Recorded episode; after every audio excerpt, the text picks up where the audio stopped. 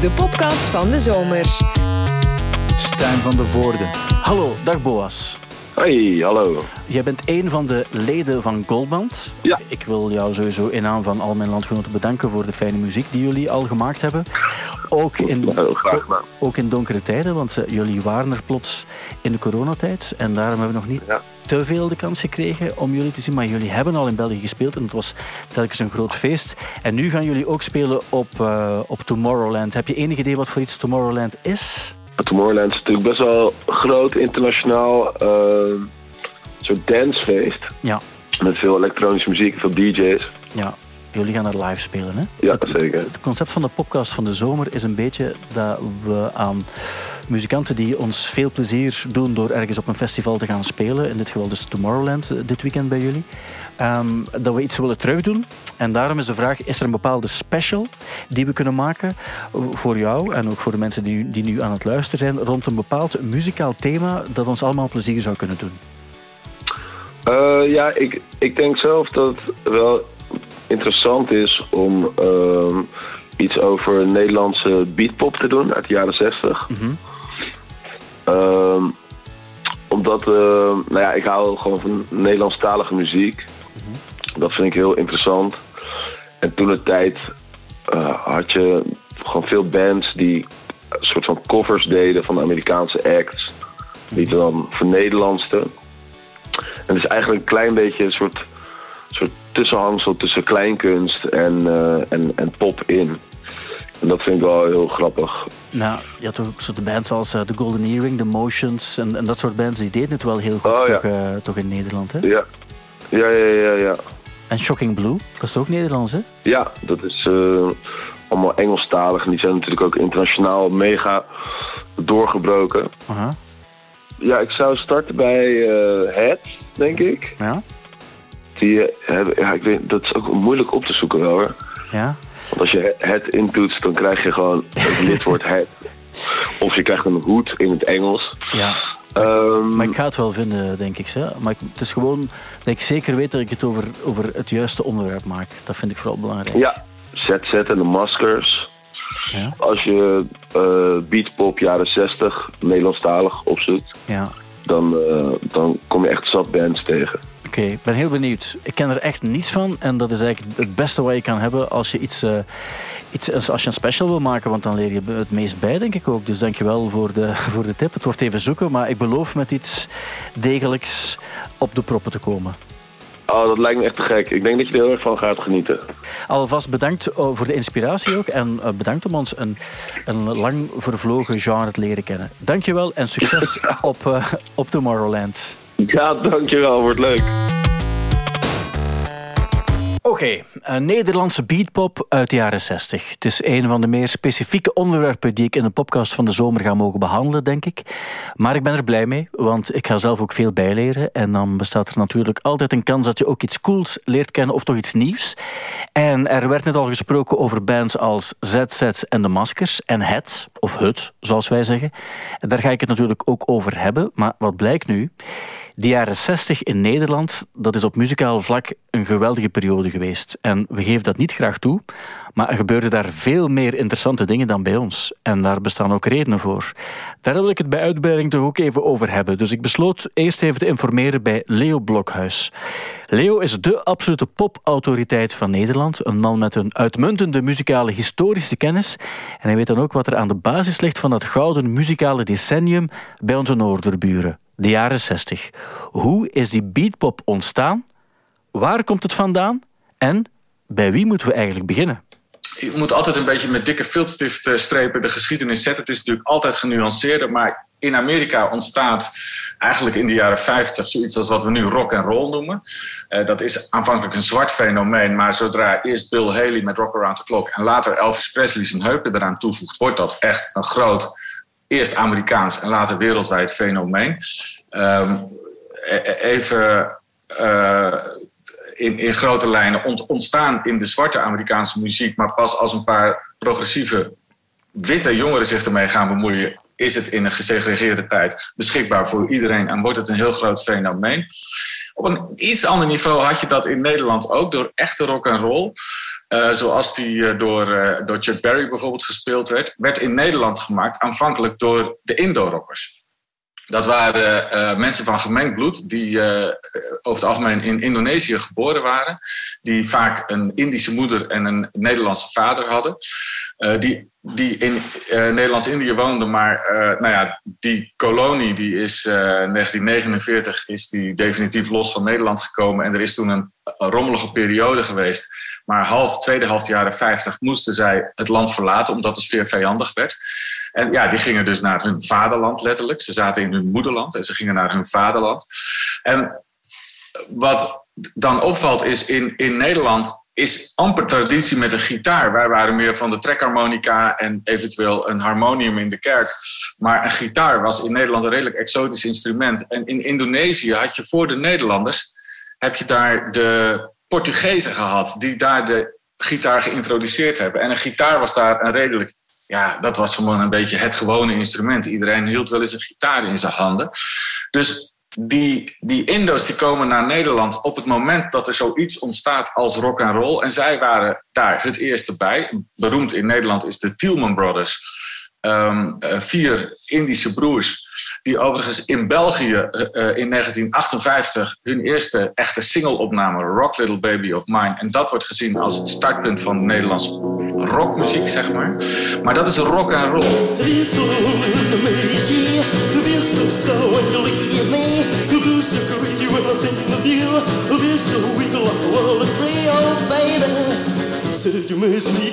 En in de vroege jaren 60 kreeg je vanuit Engeland daar een soort versimpeling van eigenlijk. Dat is wat we beats zijn gaan noemen. Dus waar rock and roll nog zeg maar op losse snaren gespeeld wordt. Kijk maar naar de beroemde scène tussen Chuck Berry en Keith Richards. Als Keith Richards het rock and roll intro niet goed gespeeld krijgt. Want ja, uh, de beatartiesten die pakken gewoon power chords en die gaan meer op energie en op volume dan op dat verfijnde. Dus die beatmuziek die ontstaat in de vroege jaren, jaren 60. En dat is waar die Nederlandse bands uh, erin komen. Maar daarvoor zit dus al een generatie van van Indo-rockers. En in die traditie, daar zit eigenlijk Peter Koelewijn. Je zou in die zin Peter Koelewijn bijna de Nederlandse Elvis Presley kunnen noemen. Namelijk de man die het voor een groot Nederlands publiek beschikbaar, uh, bereikbaar heeft gemaakt. Ja, en dat is natuurlijk een grote verdienste. Peter Koelewijn mag niet de meest pure vorm van beatpop zijn. Hij legt wel mee aan de basis van wat het later zou worden. Je kan hem vooral kennen van dit nummer.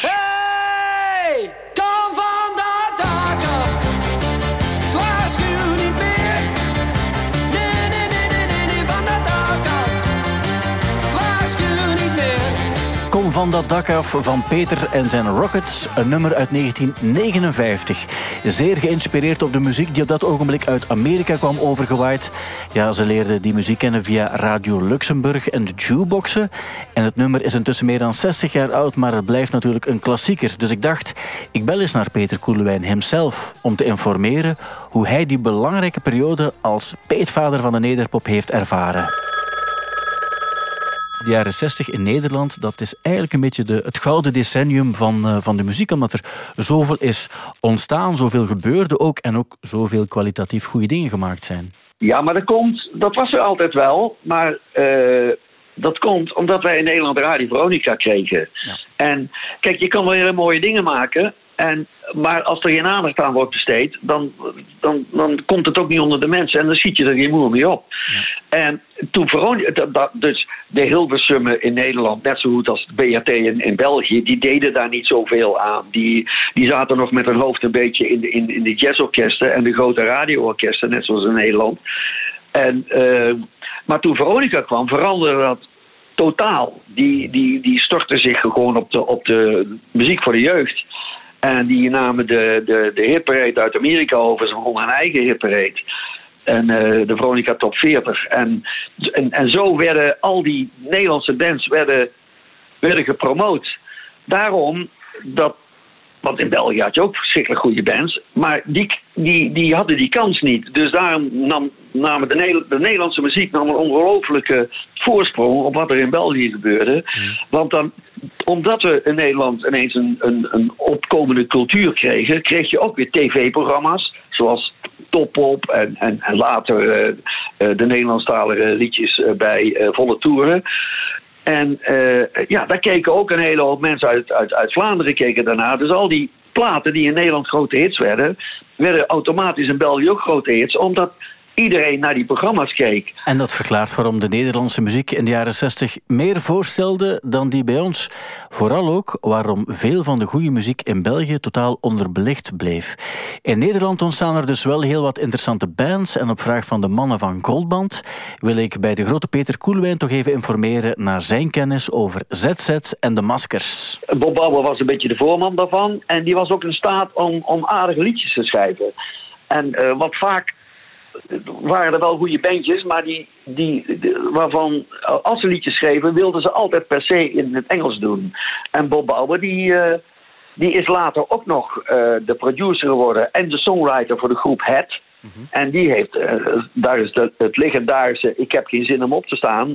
ik weet niet of je het kent. Absoluut. Ik heb geen zin om op te staan. Dat was van de hand van Bob Bauer. En, dus die, die gaf dat ook door aan, aan een band zoals Het daar, daar kreeg je wel een paar Nederlandstalige bands die, die, die toch Nederlandstalig deden en daar ook succesvol in waren. En ook vrij, vrij absurd ging in een tekst. Ook, dat is bijna pop art. Als je naar die teksten luistert, het is niet zo dat dat de grote liefdesverhalen zijn of iets dergelijks. Het gaat soms bijna echt nergens over en het is ook echt bewust, bewust gedaan. Dat is misschien ook een beetje eigen aan de tijdsgeest van die periode. Ja, dat is ook een beetje de, de, de invloed van de flower power. Hè? Dat, de, de, je in Amerika had je ook al uh, bands die, die, die teksten schreven die toch uh, een beetje wierd uh, waren. Dat heb ik met Ronnie de Ronnie's trouwens ook gedaan. Want ik was natuurlijk daar ook een beetje van onder de invloed. En een, nummer als Help wat een liedje van Ronnie de Ronnie's. Ik vlieg als vliegen tegen de lamp. In mijn hoofd is laarse stamp. Oh, wat hou ik van, oh, ik hou van jouw sigaretten. Dat soort, dat soort regels die, waarvan ik als ik het later, toen ik later weer dat terugzag, dacht ik van hoe ben ik daar in vredesnaam aan gekomen. Ja.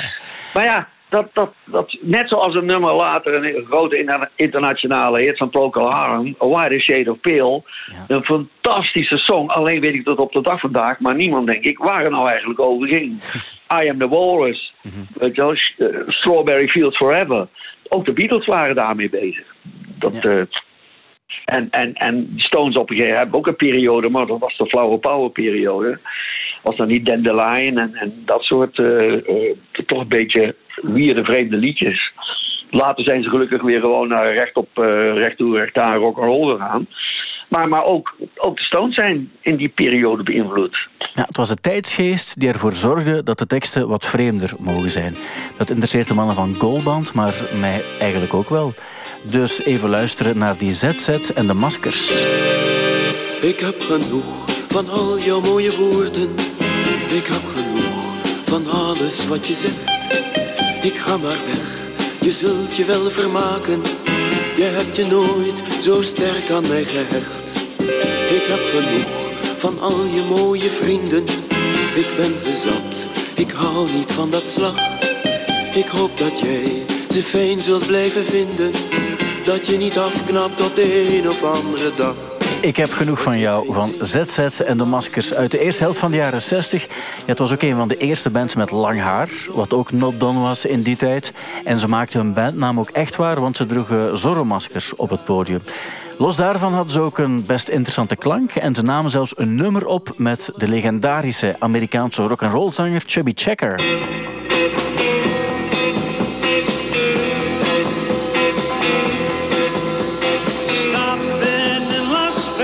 The best thing we can do.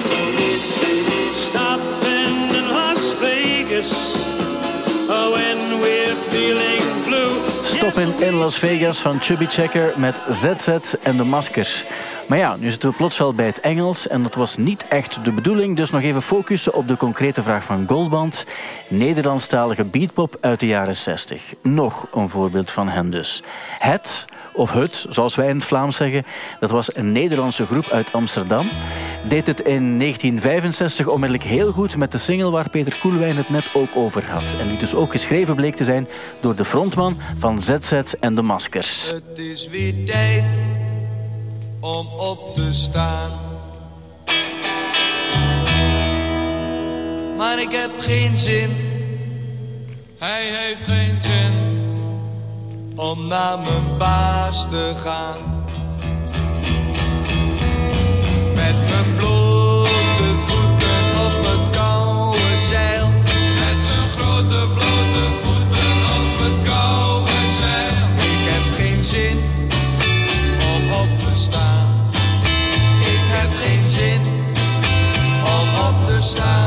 Ik heb geen zin om op te staan. Een nummer van Het met opnieuw een vrij absurde tekst. Men noemt het ook wel eens een pop-art sound.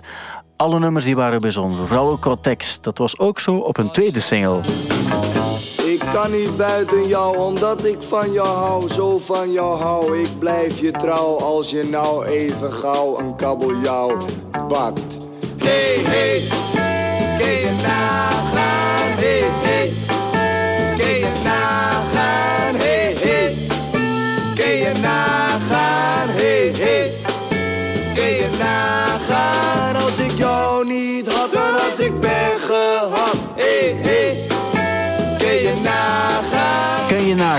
Had ik jou niet gehad, dan had ik pech gehad. En ik ben zo blij dat je voor mij een ei bakt. Dat is een soort van antitekst die ook best funny was. En het klonk ook echt goed. Spat niet met pap, dat was ook nog een nummer van hen. En in een zog volgde er onmiddellijk een hoop gelijkaardige bands. Zoals bijvoorbeeld de Snelbinders en ook de Klungels met een C geschreven. In 1966 brachten ze een heel cool nummer uit getiteld Dat had ik nog nooit gedaan.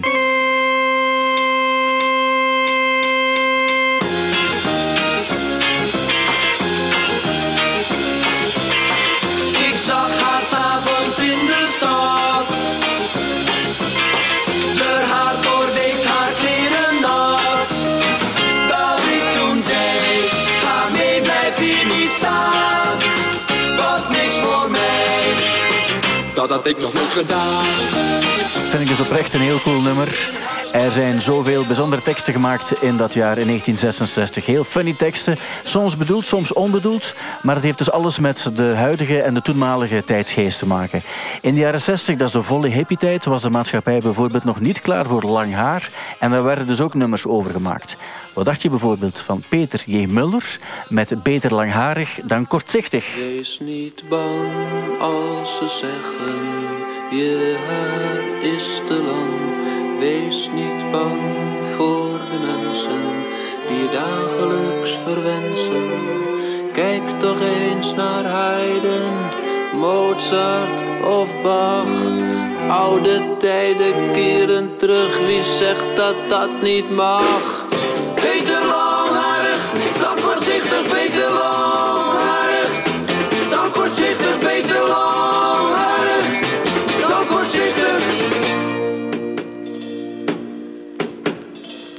Beter langharig dan kortzichtig van Peter J. Muller. Er zijn inderdaad zoveel goede voorbeelden van erg opvallende en ook wel rare nummers uit die periode. Selfkick was een band uit Beverwijk bijvoorbeeld. Ze het nummer Zo is het toevallig ook nog eens een keer op. Met het grootkoor der Provo's, gebaseerd op het gelijknamige satirische te- televisieprogramma dat veel stof deed opwaaien. En voor veel jongeren ook een voorbeeld was door de provocerende teksten uit die tijd dan toch. Opnieuw nummer uit 1966.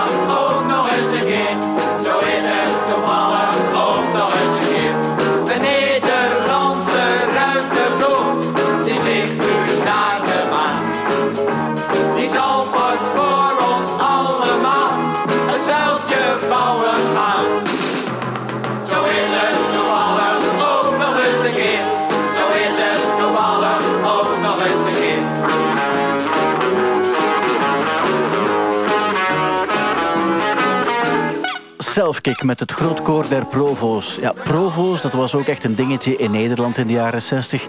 Het was een anarchistische vereniging die in 1965 werd opgericht, maar niet al te lang bestond. De beweging was een ludieke heropleving van het anarchisme dat grotendeels geweldloos was en vooral zichtbaar werd door het provoceren van de gevestigde orde. Het was een soort van geuzennaam voor ja, grappige acties, Bijvoorbeeld in 1966. Toen was er het huwelijk van prinses Beatrix met prins Klaus. En Provo beweerde dat ze hallucinogene stoffen in het drinkwater zouden doen. De paarden van de vorstelijke rijtuigen die zouden dan helemaal gek worden, ook door suikerklontjes met LSD en enzovoort. En op de dag van het huwelijk staken de Provo's ook echt wat rookbommen af. En daarvoor kregen ze echt flink wat slaag van de politie. En dat leverde de organisatie evenveel internationale als nationale bekendheid op. De 60 op een allerbest dus. Bij die acties was muziek dus ook heel belangrijk. Bart Huges was bijvoorbeeld ook een student geneeskunde en hij boorde in 1965 letterlijk een gaatje in zijn schedel. Op die manier wilde hij zijn geest wat meer ruimte geven. Een schedelboring, letterlijk. En daar hoorde ook muziek bij. Ik heb een gaatje in mijn hoofd. Moet naar de dokter. Met een garendietmachine. Gaat weer maken. Het ging zo snel.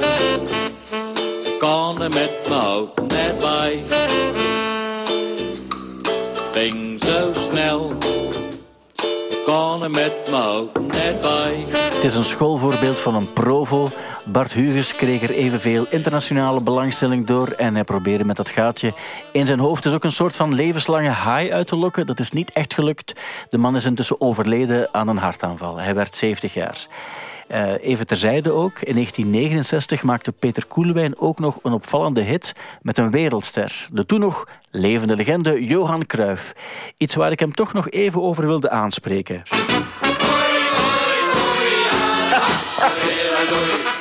Dit is misschien nog iets helemaal anders. En ik kan me ook wel voorstellen dat als je een lijstje moet maken met de dingen waar je het meest trots op bent, puur muzikaal, dat dit misschien niet in de top 10 eh, zal staan.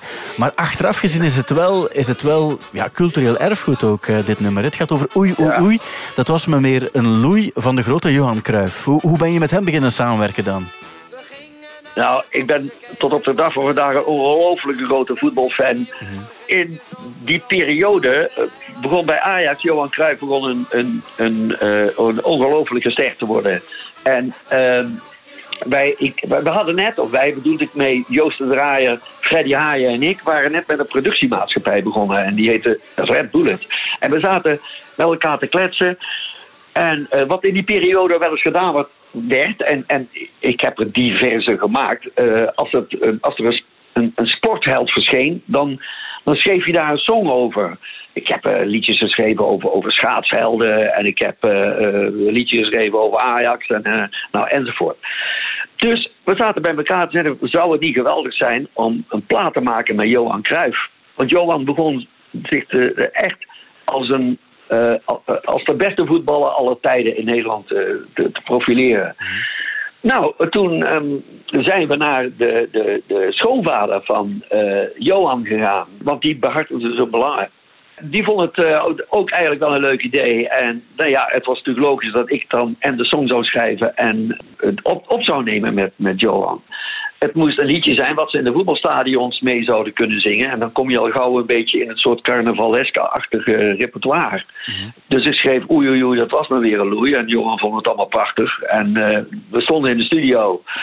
En toen kwam ik erachter dat hij, eh, dat hij voor geen millimeter kon zingen.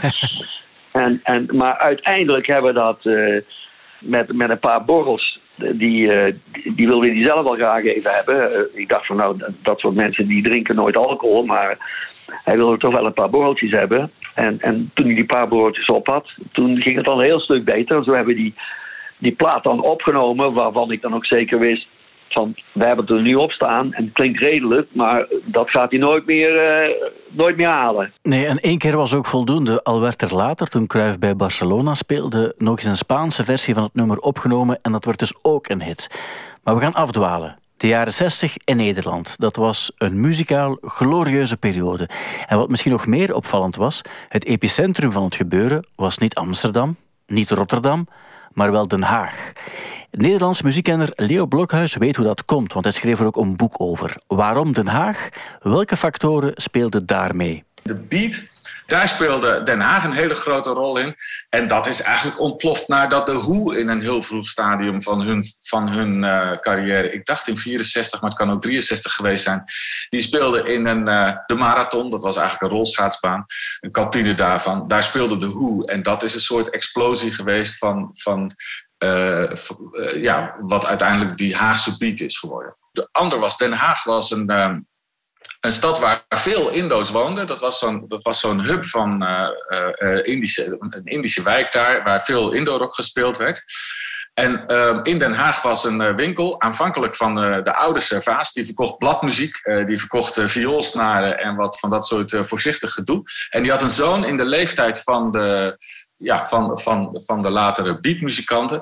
En die zag brood in die gitaarmarkt.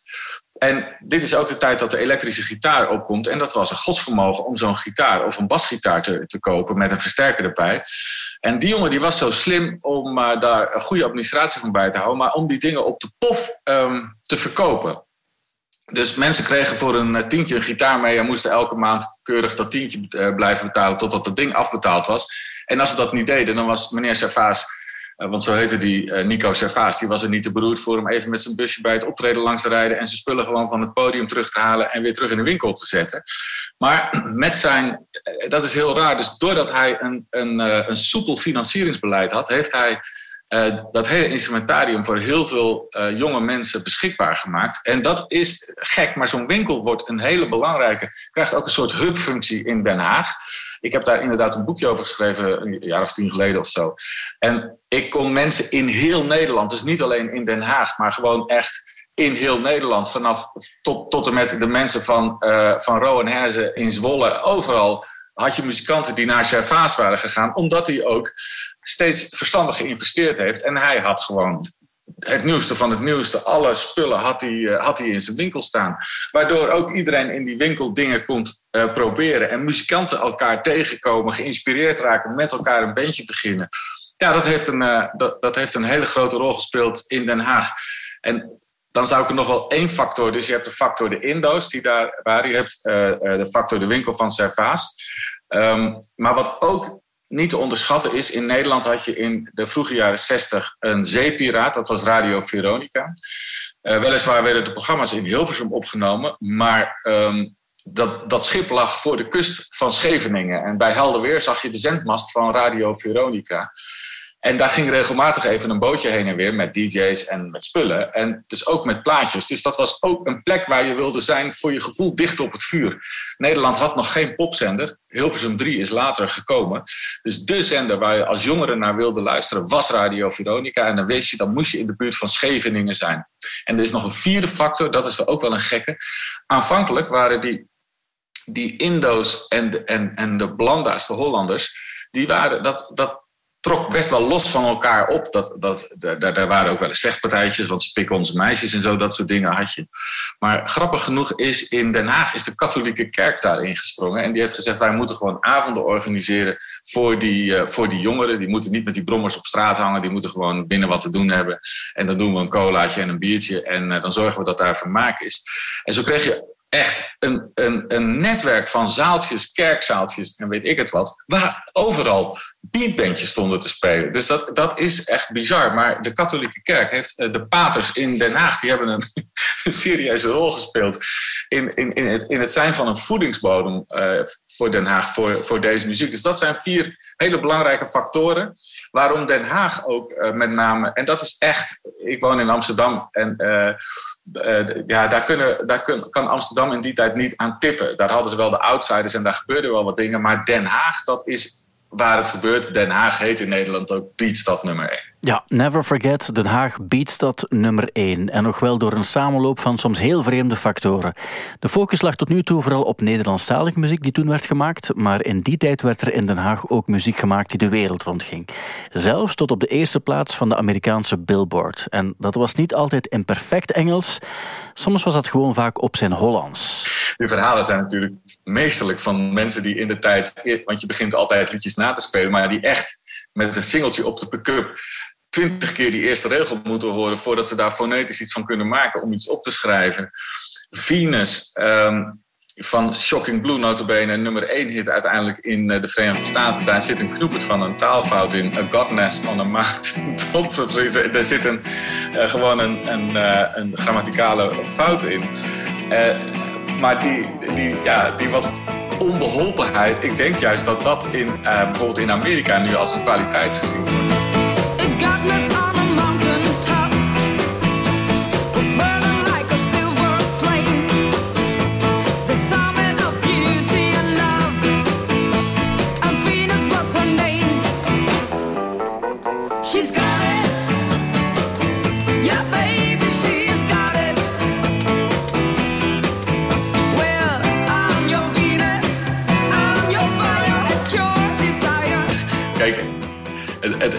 Als je erover nadenkt is het ook krankzinnig. En ik denk dat het in geen land zo groot is geweest als in Nederland... dat, dat Engels zo geadopteerd werd. Dat had volgens mij voor een deel te maken met... het is de taal van de bevrijders geweest. Weet je wel, de, de Engelsen, de Amerikanen, de Canadezen... die Nederland na de Tweede Wereldoorlog bevrijd hebben. Maar als je erover nadenkt, is het natuurlijk krankzinnig dat er een hele scene ontstaat waarin een hele groep jongeren net gaat doen alsof ze eh, ergens anders vandaan komen. Zich gaan kleden als, als Britten of Amerikanen en op die manier proberen te spreken en dat in alle klunzigheid. En, en eh, inmiddels is dat totaal geaccepteerd. Maar als je erover nadenkt, is dat, ja, waarom heb je daar niet Kijk, Johnny Hallyday, die speelde ook rock'n'roll, maar die maakte er in ieder geval nog iets Frans van. Want in Frankrijk kom je daar, kwam je daar in die tijd gewoon blijkbaar niet mee weg. Maar Nederland vond dat ook wel. Dat is ook een beetje ons, eh, ons Calimero-gedrag, denk ik. Eh, ja, dat Nederlands dat stelt niks voor. Laten we het maar gelijk eh, wat, eh, wat groter aanpakken of zo. Maar ja, dat heeft wel, eh, ja, dat heeft, eh, wel eh, ik, eh, ja, bizar slechte tekst opgeleverd hier en daar. Dat is, dat is zeker waar, ja.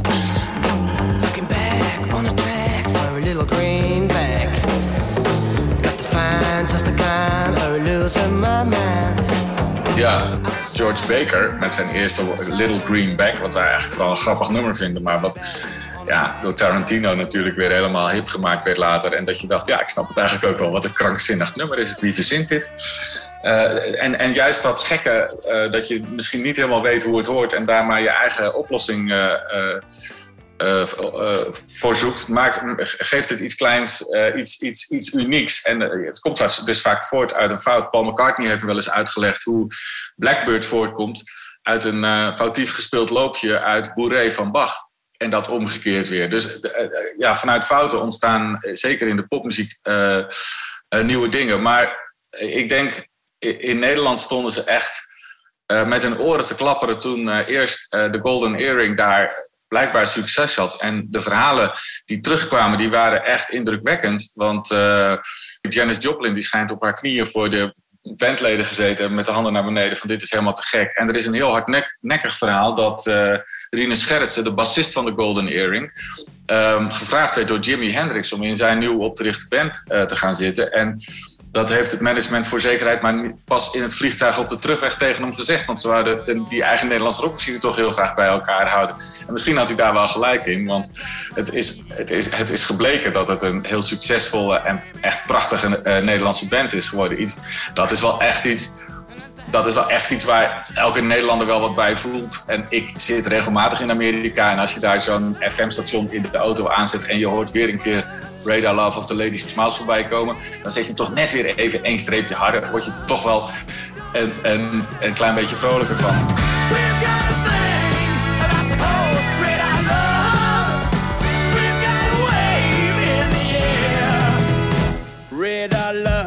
Radar Love van de Golden Earring, een van de vele goede bands uit Den Haag die het ooit wereldwijd hebben gemaakt. In de Amerikaanse hitlijsten, Homer Simpson heeft het ooit gezongen enzovoort. Echt een klassieker. En het ontstond dus allemaal in Nederland in de jaren 60. En nog één voorbeeldje om af te sluiten. We hadden het net al over het minder Engels van Shocking Blue, maar we moeten hen ook de credits geven die ze verdienen. Want ze ontstonden in Den Haag in 1967 en van daaruit veroverden ze de wereld op de coolst mogelijke manier. Niet enkel met Venus, maar ook met dit nummer. Would you believe me when I tell you you're the king of my dreams? Het is Love Buzz van Shocking Blue. Een nummer dat eind jaren 80 ook plots de allereerste single werd van een bandje uit Seattle, genaamd Nirvana.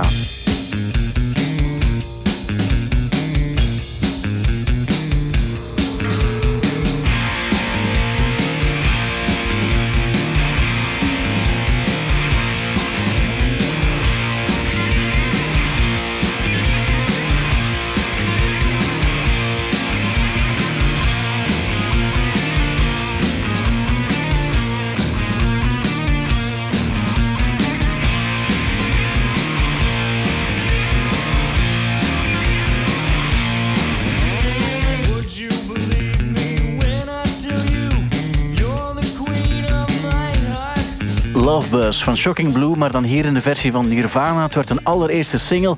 Dus ja, Wat zou Kurt Cobain geweest zijn zonder de hele scene daar in Den Haag, ergens in de jaren 60? Dat is vooral de vraag. Ja, meer nog, het nummer werd in 2004 ook nog eens geremixed door The Prodigy op een vierde album.